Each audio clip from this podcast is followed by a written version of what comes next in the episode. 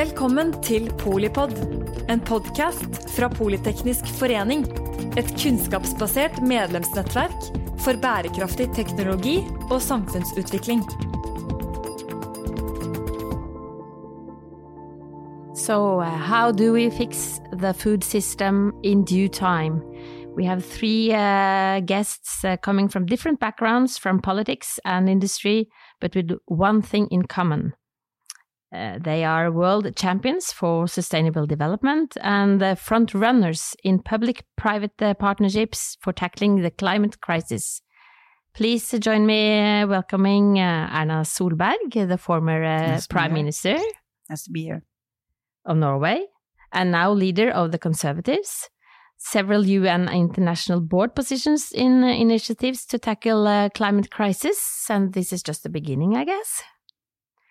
We have Mr. Paul Polman, uh, a global business leader, the climate and equalities campaigner, as he called himself, the former CEO of Unilever uh, for a decade with sustainability turnarounds, and uh, also author of the book Net Positive. Thanks for having me. Last but not least, Svein Tore Holsether, uh, you're the president of uh, Yara International. You are also the chair of the Norwegian Confederation of Enterprises, the NHO, and you're the international, uh, or what I say, the president of the International Fertilization Association. Yeah, uh, chair of the International Fertilizer As- uh, Association, and thanks for inviting me. all of you. Um, the food crisis and the climate crisis are uh, very much linked. How do you experience the urgency in solving them, Erna?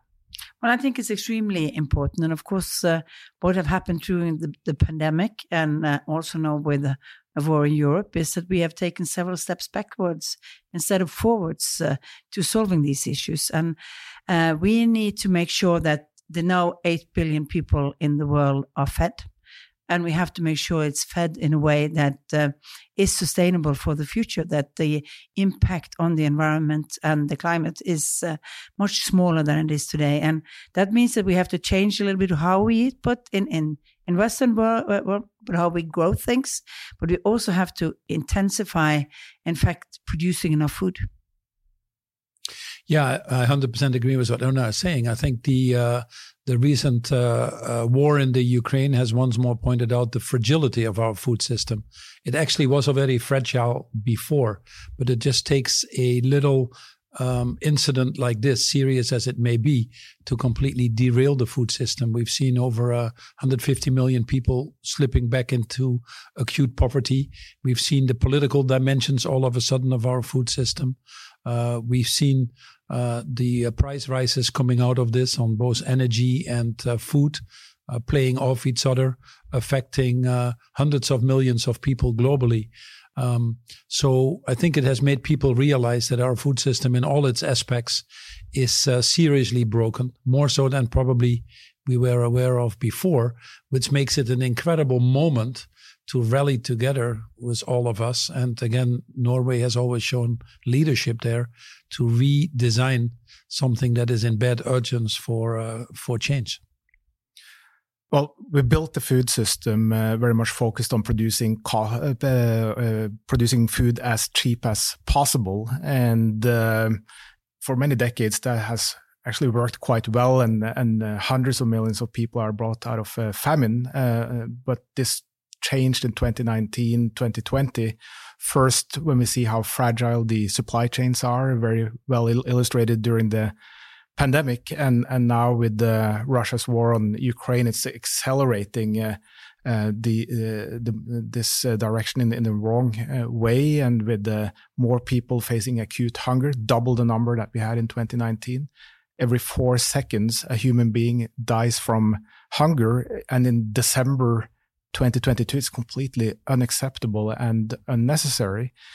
But uh, on the positive side, food and agriculture now has come to the top of the agenda. In the opening speech uh, of the General Assembly, the UN Secretary General talked about food and fertilizer. It's on uh, top of the news media as well. So I, I think there's an awareness now, but then we also need to use that momentum to, to make the necessary change.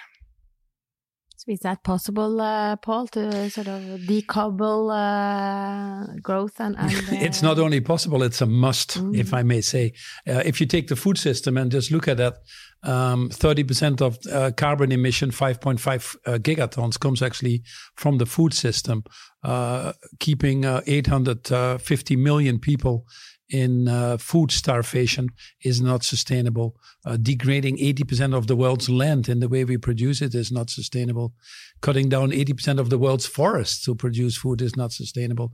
So if we want to have uh, longer term success now and for generations to come. If we want to grow our economies, increasingly people are realizing that the food system is an integral part of addressing this. Otherwise, we simply won't get there.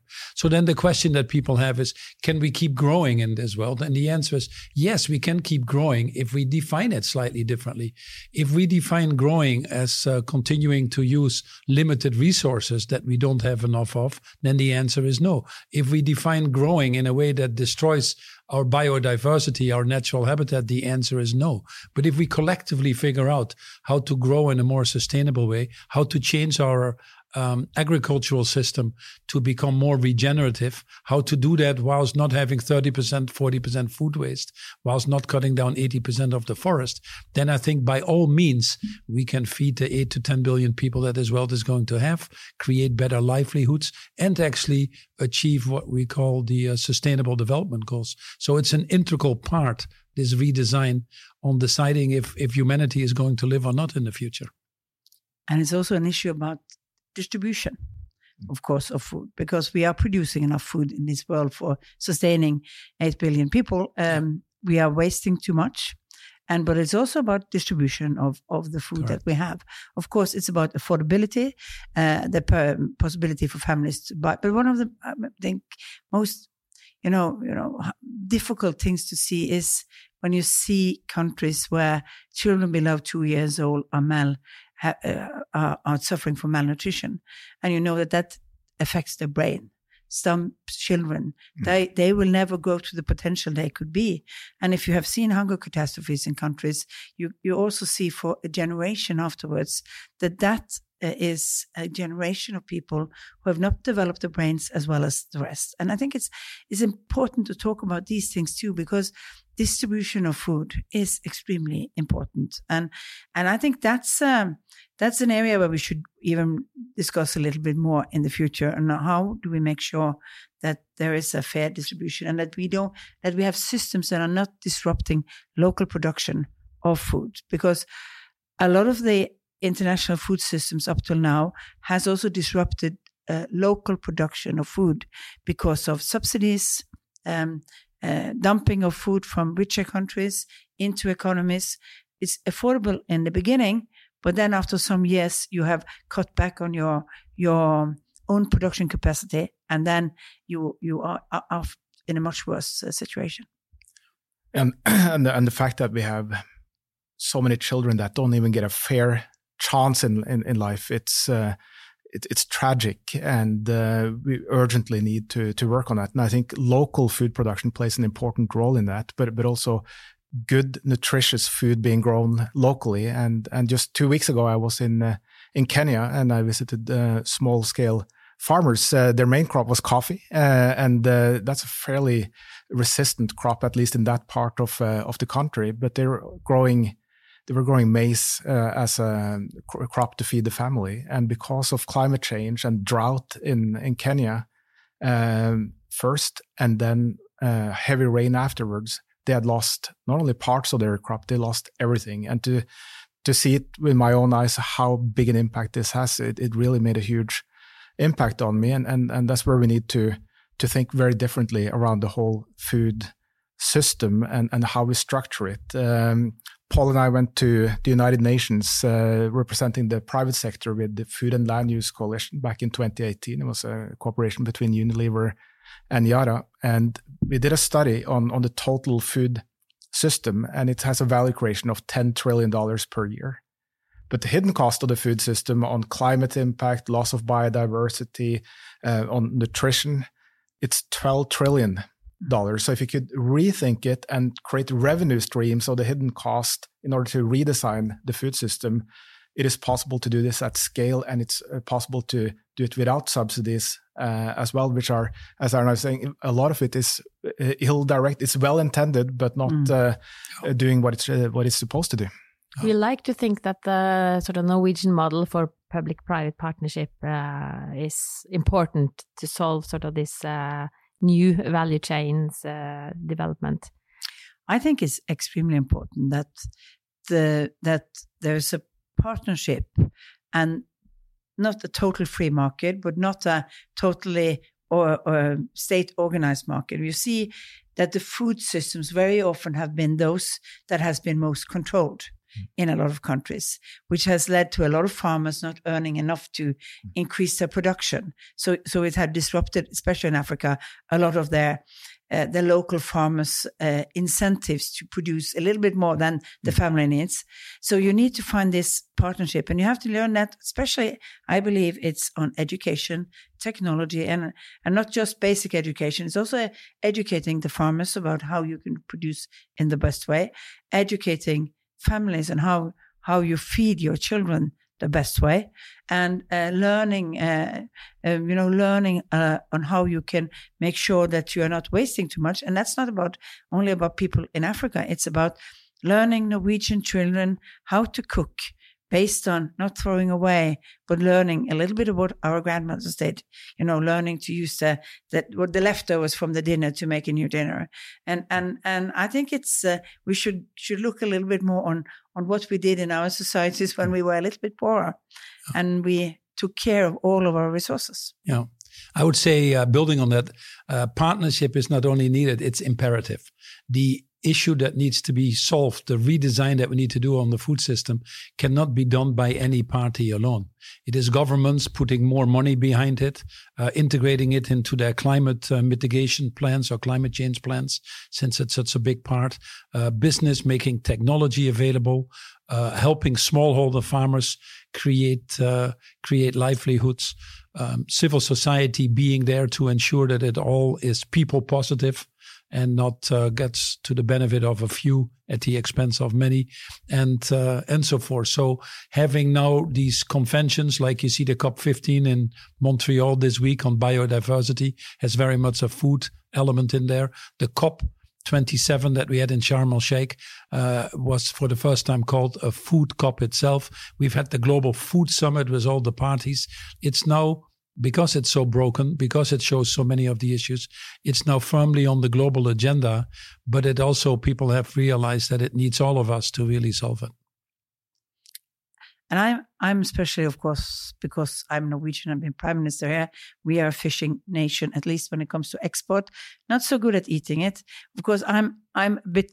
Uh, it's important if you have private-public partnerships in ways to also make sure that we are governing our common resources better than we are doing. Oceans are one of those issues where livelihood for fishermen around the world is is threatened by the, by the fact that the oceans are depleted by overfishing in a lot on the on a lot of the resources, and that's one of the areas where I think there is a possibility to get more protein with less uh, uh, climate footprint uh, in in managing our food stocks better fish farming in a sustainable way. So we have to look at all of these different areas because the biggest challenge on climate is, of course, uh, that we eat too much uh, red meat. Uh, that's because that's the least least um, uh, climate friendly production. And of course, you can do that more climate friendly, like we do in Norway, where you mm. you don't where you uh, where you use bigger land areas and things like that. But it's not uh, we still have to to find other resources or other protein resources in the future. Yeah. That's likely on on the demand side, but on the you have a few solutions on the on the supply side as well, uh, involving technologies. Uh, indeed, and uh, what we're seeing uh, from Yara side, we, have been focused on reducing our uh, greenhouse gas emissions uh, for for decades, really, and we reduced our emissions by more than 40 or 50% since uh, 2004. Uh, and um, so sometimes I say, mm, partly joking, that but, but if, if Yara was a nation, we could lean back now. We've delivered on the Paris uh, Agreement. Uh, but the thing is that we're we're not a nation, and uh, the world is not on track. Uh, so we need to do need to do more. But in order to do that, what we could do internally in terms of uh, energy efficiency, catalysts, uh, scrutinizing everything that we do in our production. We've done all of that. Uh, so the next step for us is um, working with the farmers, with the whole value chain to see what is it that we can do uh, together in order to, to reduce the, the, the, climate footprint. Because uh, if we produce a zero emission or green fertilizer, it'll cost a little bit more money. If the farmer cannot afford it and the, mar- the, the margins the farmers have cannot afford uh, a, a more expensive fertilizer. But if you look at the totality of the whole value chain, this is possible. But that's uh, working in a different way throughout uh, uh, the whole value chain, but also working with with governments uh, as well. And what is it that we can do uh, together? So I think that's the only way forward that we need to think about this in partnerships, both in business, but also with with governments and and organizations. Uh, you need to explain a few of the technologies because it's uh, it holds a lot of uh, of hope uh, actually for the future. Yeah, and, and and the interesting thing is that uh, in in our business and and really in, in the food system uh, as well, we don't need any breakthrough technologies or any miracles to happen to decarbonize. What we need is solutions that think about whole value chains where you need trust. But uh, to be very specific on on technologies today, uh, most of the, if not almost all the uh, nitrogen fertilizer is produced using natural gas. You use natural gas to sequester nitrogen from from the air. Uh, and and how you do it is that you take the hydrogen in the natural gas to harness it. Well, you can also get hydrogen from water, H2O, and and use uh, uh, electrolyzers to, to, to, to, take out the, the hydrogen. Uh, and you can use renewable energy to produce that. Uh, so that means completely changing the way we produce the, the product, and we can do that with renewable energy. But then we need a lot of new uh, power to be uh, constructed so that we have enough energy to to do that, and that's where governments come in as well to to help to build out more renewable energy so that we can move away from fossil and more into renewable energy. See, the beauty of the food system, what Svein is saying is that unlike the energy system, we have the technologies available today. We know what to do and we're actually doing it in different places in the world, but we're just not scaling it up. Mm. But um, we know how to produce food without cutting down the forests. We know how to make regenerative agriculture and get higher yields. So how do we bring that technology, especially to these emerging markets? Um, how do we invest in a problem of 30% climate change? Only investing 3% of our money doesn't make much sense. The beauty for agriculture is that um, you get results on a short-term basis and uh, for every dollar you invest, you probably get about $15 of return. So what we now need to do is bring it on the global agenda at a higher level uh, create a certain sense of urgency, which is now being done because of the pressures that we see. But why not turn that into positive energy and start to redesign our once and for all our global system? Uh, not only will we deal with the problems that we currently have of political instability or food insecurity, but we'll also protect this earth for generations to come. So it makes so much more sense. And I think the time is right that we set the bar a little bit higher in this respect. But um, unfortunately, it's not been on the uh, energy agenda or the climate agenda. We always have seen that a little bit separately. Uh, I think that's changing rapidly. It hasn't been, frankly, on the political agenda either. Uh, Norway, probably an exception, but many countries really have not uh, often have the the minister of agriculture not sitting around the table, if I may be honest. And to make this an integral part of any country's strategy is is now absolutely a must. But also the most difficult one because uh, um, speaking as a former prime minister, yeah. um, it's uh, if if you look at uh, how people have done and worked traditionally in in farming, uh, how governments are approaching that. I mean, there, this large change means that you are going to change also part of how you have how your farm policy is, and it's, for example, in Norway, extremely also linked to to uh, regional policies uh, and and that type of thing. And and Norway is not the only one. If you look at most European countries, there are some who are doing large scale productions, but a lot of them are small farmers and doing things in a very traditional way. But I think it's back to finding ways of getting that knowledge out, making sure that there are incentives for modernizing the way you are doing, and and looking at maybe a little bit stronger on on using both the carrot and the stick.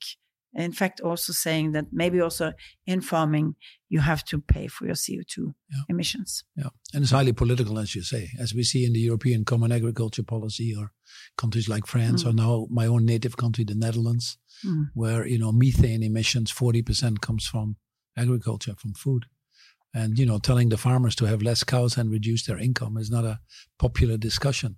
So if you don't plan this, if you don't uh, incentivize this, if you don't have a longer term strategy, including the technologies you bring in, then it's very difficult to get results. But but we have no choice, unfortunately. We can all continue to uh, give in to the short term pressures and get reelected, or start to make the the tougher decisions that we make need to make and change the way we produce food. You know, including uh, how we think about biofuel. You know, it's it's ridiculous that we have as much land being used for fuel as for food right now in this world. It's hard to explain to people that go to bed hungry. Uh, as it is hard to explain that we are using 80% of the land in the world for animals and animal feed to produce only 20% of the calories. It's hard to Mm. explain to people that go to bed hungry. Mm. Um, so I think it's a discussion that we need to have with the 826 million people that uh, go to bed every night not even knowing if they wake up the next day. They would probably look at us and say, Are you behaving like adults or children? How can we stop these perverse subsidies that drive us in a different direction? You take uh, food, probably seven, eight hundred billion of perverse subsidies that actually drive you into deforestation or degrading land. So it all made sense when Mother Nature could compensate for our shortcomings when we were not 8 billion people on, on this world behaving irresponsibly. But now that the music stopped playing, we really have to start acting. Hmm. It's for our own good. Yeah, and here I think it's very important that we we work with the farmers and not put additional burdens on their shoulders, but uh, actually incentivize them to uh, so that they get paid based on on the efficiency and uh, and put a price on on nature. A lot of the deforestation is happening because farmers cannot afford uh, nutrients. Uh, it's cheaper to clear land and mine the soil of its nutrients than to add back. Nutrients. Uh, so, so it's about the efficiency here as well. And uh, um, here, here we need to work together, both from the business side, but also from uh, from politics and farmer organizations to create a, create that uh, structure so that uh, they see the upside in this uh, as well. Think about what we could do on um, carbon sequestration. If you look at the trajectory we're on right now as a, as a world, we're not going to meet the, the, Paris Agreement unless we have significant reductions, but we also need to sequester carbon as well. Mm. The farmers could do that. If, if you do farming right, you can mm. build soil organic matter, you can sequester carbon in the soil of the, of the farmers and create an income. Yeah, so you, you get a double it. win, right? Uh, so, so, so we need to be uh, innovative on, on how we think incentives as well. You're in more than 60 countries. Uh, how, how do you actually uh, become uh, the farmer's best friend?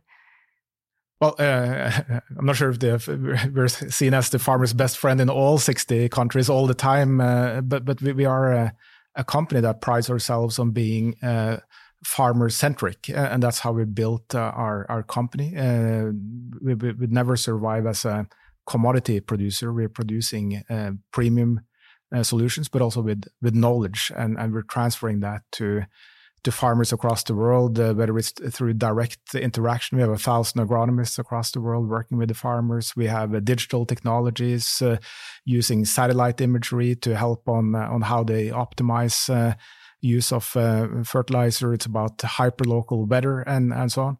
So so so this is um, key to our strategy. But we see that that's not enough. We we, we need to do more for the farmers. and if we could use our platform uh, across the world to also talk about the, the challenges that farmers uh, face and, uh, and, help to shape an environment where they get rewarded for what they're actually doing, which is producing food, but also doing that with as low a, a carbon footprint as possible. That is an important role that we have as a, as a company. We work with 20 million farmers across the world. Uh, um, our products feed 240 million people every every year. So that's part of our responsibility as well to think broader than just sell, selling a ton of fertilizer. We would never survive just thinking about tonnages.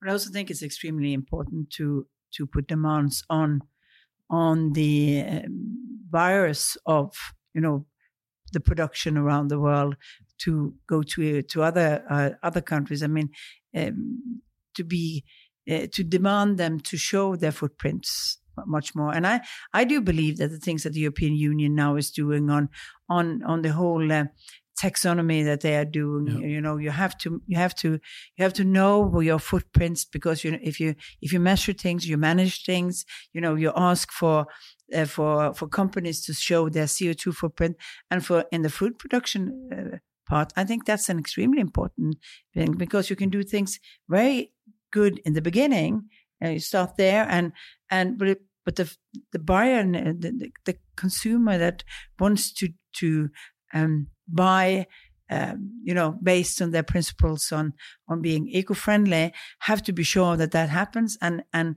there have to be some kind of uh, mechanisms that uh, proves that this is done in a sustainable way, that the production and the transportation and all of that is done in a sustainable way. And I think I think there is a bigger demand now. I think a lot of young people are. I don't think we have to become vegetarians in the future to get the earth to survive, but I believe that we could be better at demanding that, that, that, that we know the footprints from that. And I think there's a, there should be a stronger consumer uh, and not only the consumers, but also governments and uh, and EU and others should ask for this so that they in fact show their footprints in the future because that I think will will change the mentality and it will make the big uh, international food companies work much better with the farmers also because they are the ones that can give that premium for well done work locally by the farmer. Because it is it is the price paid to the farmer that will depend that will decide whether the farmer is going to do that more, uh, production more sustainable. Yes and uh, if i could could add to that i fully agree because if we could create an enabling environment for for the farmers. They are business people, and uh, we met with uh, or met with several farmers across the world, whether it's in Kenya or Rwanda or Spain or Germany or Brazil and the U.S. lately, and and they're very clear that uh, we run businesses, and if we have the incentives in place, we will.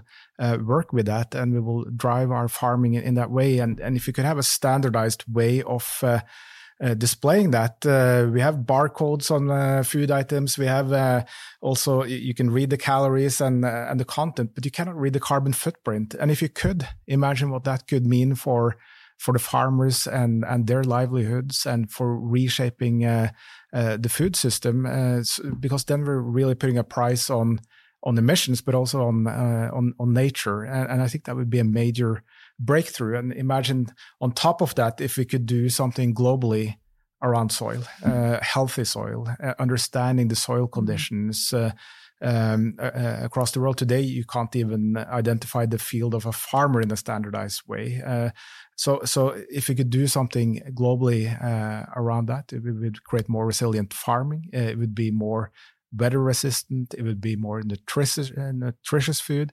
So you get so many things uh, for free if you if you get that in place. It's not an if; it's a when. Well, the beauty today is that we not only have more technology and higher awareness, but we're able to measure everything. That wasn't the mm-hmm. case five or 10 years mm-hmm. ago.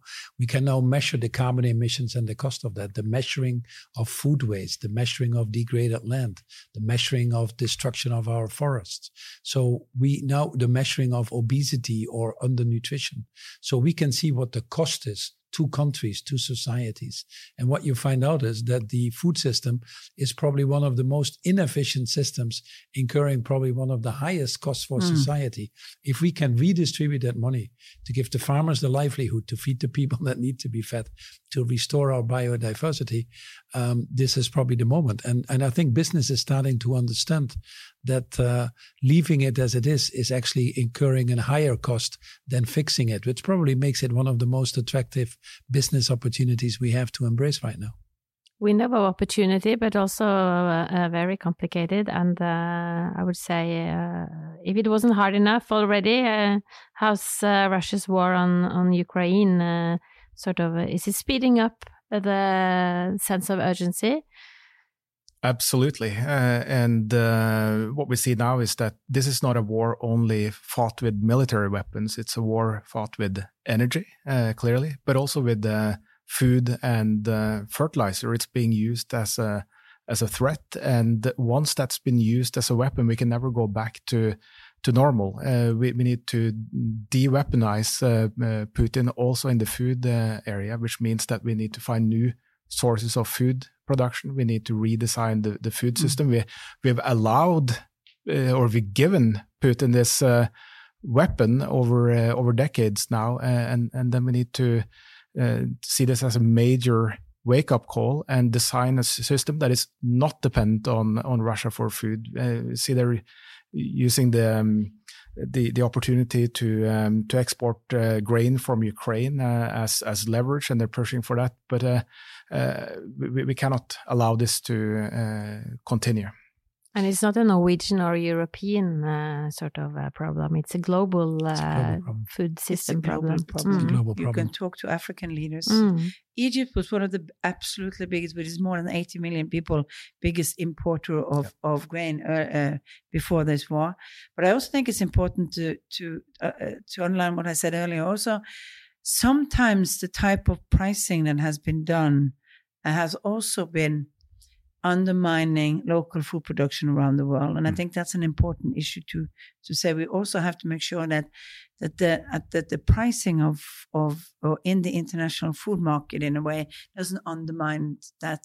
I mean, we we have been working very hard to get away with uh, subsidies for uh, export subsidies. Um, because of, of, of the effect they had. It has a small impact in Norway, the fact that we don't get to export Jarlsberg cheese anymore. It has an impact on Norwegian farmers. Nearly 15 to 20 percent of of our uh, milk production was in fact going that way, way. So so we have to do different, but it's a small change compared to the other. I think it's so important that we make sure that uh, we don't ruin, you know, the local food systems around the world because what we see is there are too many countries that are too dependent on on that type of import.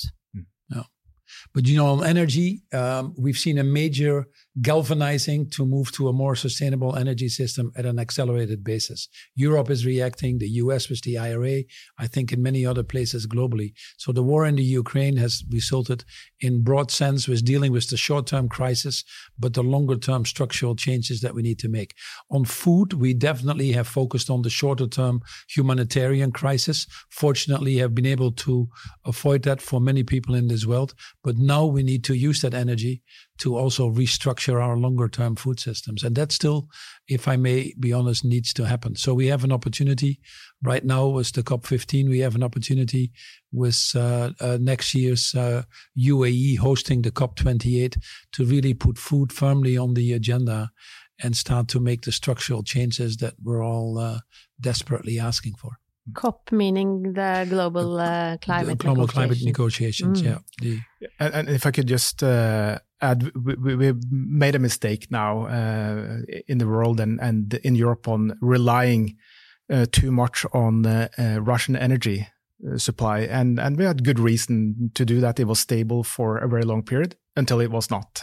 so so we were in in many ways fooled by that um, that situation and, and, and the dependency. So, so we were fooled once. Okay, shame on Putin. Uh, but now we're faced with the same uh, issue for for the food uh, system, uh, but we're aware of it. So, so let's not be fooled twice because then we know who to to, to blame. That's on us. Uh, we we know this now, and then we need to do the same thing for for food as we're doing with energy, creating a more resilient system.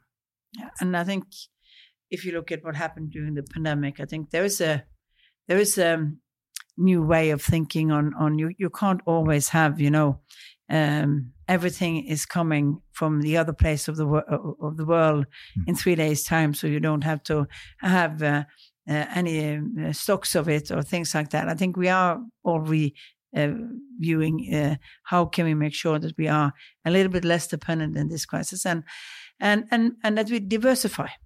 I think it's it's important to diversify to have if something happens in one place in the world, you're not the rest of the world is not stuck. We have to diversify and we have to be make sure that there are production of different if there's minerals or if it's food or if it's anything else, we need to make sure it's diversified in the More future. resilient supply chains. Yeah. Absolutely. So, what's the most important thing uh, that we could do uh, prior to 2030? There should be no, uh, there should be zero uh, famine uh, and uh, and substantial climate action by 2030. We have like six, seven years. Well, I don't think that we can solve all the problems in the world in the six, seven years. And that uh, I think many people realize that uh, the Sustainable Development Goals is a goal that we need to set that we don't want to deviate from in terms of the ultimate objective of not leaving anybody behind, of irreversibly eradicating poverty and doing that in a more sustainable and equitable way. But it is also realistic to say that uh, the war that we have seen uh, the COVID crisis has put us back probably five to ten years on that trajectory. Uh, trying to do the the the wrong things short term to think that you can make it in the next uh, five or ten years because the goals are finishing would be the stupid thing to do. We just need to keep the overall end in mind that we want to achieve and and try to work as hard together to get there. So the best thing we can do on food, uh, since we're talking food here, is to be sure that it is in everybody every country's agenda now, that it is part of the uh, climate negotiations, that it's an integral discussion on um, food security in every uh, debate that we have, and that the world urgently works together not to channel uh, two or three percent of its investments into uh, redesigning the food system, but that it, it, goes urgently to what we would argue would be uh, needed is closer to 10%. It's probably one of the best investments we will make if we do so. And that's really the effort that is going on right now. The most important thing. Well, uh, I, I, think our actions need to reflect the urgency that uh, we see now on the climate side, but also the impact of the of the war. So if I could be more uh, local in, in my response on this in, in Norway, if it, if you take the start of our company, Yara, in 1905, Europe was faced with famine and that mm. needed to be solved. Our founder, Birkeland, came up with the innovation of modern fertilizer uh, production, started the company in 1905, uh, and they spent together with Sam Eyde, in six years, they built two hydroelectric power plants, full scale, two full scale mineral fertilizer production plants. Uh, and they did that when Norway was one of the poorest nations in Europe. And with a little bit help of Swedish capital. And with, with, the Wallenberg family. And, yes. and, and I was actually last week, I was in the very building in Paris where Wallenberg traveled together with Eyde to get the French capital to start the company.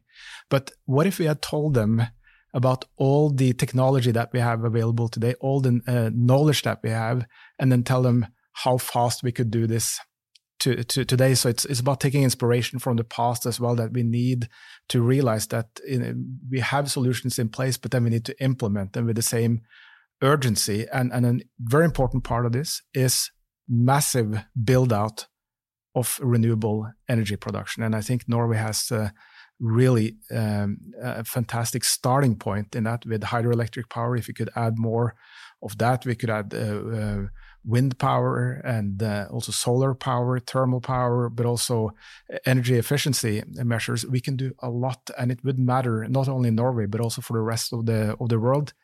But we're in 2022 at the very end of it, uh, and we have seven years left. But they only use six years to to create this company, so it, it is possible. Well, I I think that of all the areas where we know we have to make a change before 2030 on to to reach the Paris Accord, I think that the food chain is going to be one of the slowest. I think it will take a longer time because it's.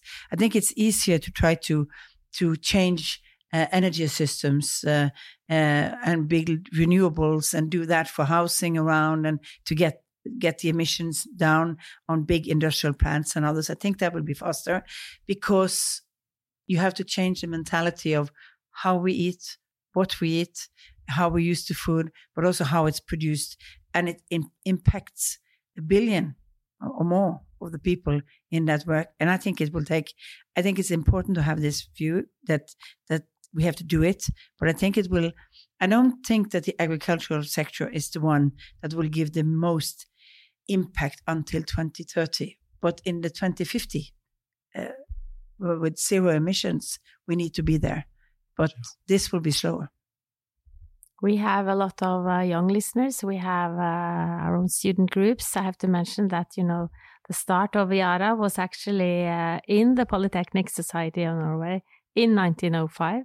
So it feels good to, to have that uh, urgency and uh, actually proof of the pudding that uh, worst things. They they actually spent uh, five uh, state budgets on that uh, first year. Uh, so but if you were a student today what would be what would you do well, first of all, get involved. And I, I think the awareness in in the in, in the young uh, generations or the younger generations about the uh, the situation, also also the urgency, it's absolutely there. And uh, when I compare to myself when I was the age of my kids, but my awareness of what was happening in the rest of the world was uh, much less than what they have today. So, uh, but but in, in addition to to raising the issue and and demanding to take to use their uh, brilliance and and and uh, and uh, their brains to to to help with the solutions uh, as well. When we utilize technology, we, we drive that through. There, there's a tremendous amount that we can uh, get done. So so my big advice would be just get engaged, find help find solutions. We're all aware of the the issue. Uh, we, we, see that now across the world, whether it's in the United Nations or in COP in, in Egypt now. Everyone is aware of, uh, of the challenge, but what we need now are solutions. Well, I think it's the most exciting time, I would tell the youth. Although we have a lot of the challenges that have now come to the foreground, we also have technologies and, and uh, know how on how to tackle those. If you are going into business, the whole reason business has been invented is to deal with challenges that someone else didn't think about how to solve them. So now that we have these, I think there's more opportunity than ever. And that's my first message. The second one is don't give up. These changes that need to happen, decarbonizing global economies, changing our food system, changing our mobility system, are changes of enormous magnitude that might seem overwhelming, but you have the uh, know-how, the the the partnerships, your purpose that is very strong. You have all the elements to actually help. If it would be that easy, someone would have done it already before. So never give up. And my final message to you is: um, you are. Um, 50% of the world population is now under 30 years old. You're going to be 100% tomorrow. This is your world. So not only demand a seat at the table, but uh, actually demand the table. And then I hear from so many young people all the time, yeah, but I'm only one person how can I make a difference? And I always remind them, try to go to bed with a little mosquito in the room. You can find out how a small thing can make a big difference. You know, change, changes in the end of the day happen with people. Uh, it's the last snowdrop that causes the avalanche. So uh, be part of that and and uh, and drive these changes. It's incredible what individuals in this world are able to do in terms of the changes they can drive. I'm going to have this mosquito in my brain. it's, uh, it's a good picture. I, I think the most important part to tell to young people is that uh, there's a lot of hope because there's a lot of ability to, to solve these issues. Uh, and, and we need young people to study, to do, uh, to, to sh- learn a new technology, be, be the innovators for the future, to see how we can do different things. And if they just get pacified, I think we will lose more than if they are actually trying to you know get into understanding technology how we can make these changes in the future. So we really need them and their their eagerness but also their knowledge in the future. Thank you so much, uh, Erna Solberg, uh, Paul Polman, and uh, Svein Tore for uh, inspiring us, for uh, providing us uh, insights, uh, and maybe boost some further action to get sufficient, affordable, and climate friendly food for the whole world. Thank you for listening to the Polypod uh, wherever and whenever you you like. Uh, I'm uh, Mette Vognes Eriksen. I'm the Secretary General at the Norwegian Polytechnic Society, and uh, I just urge you to stay engaged. Thanks for having us. Thank you. Enjoyed it. Takk for at du lyttet til Polipod fra Politeknisk forening. Få med deg flere episoder, eller bli med på nettverksmøtene som du finner på at polyteknisk.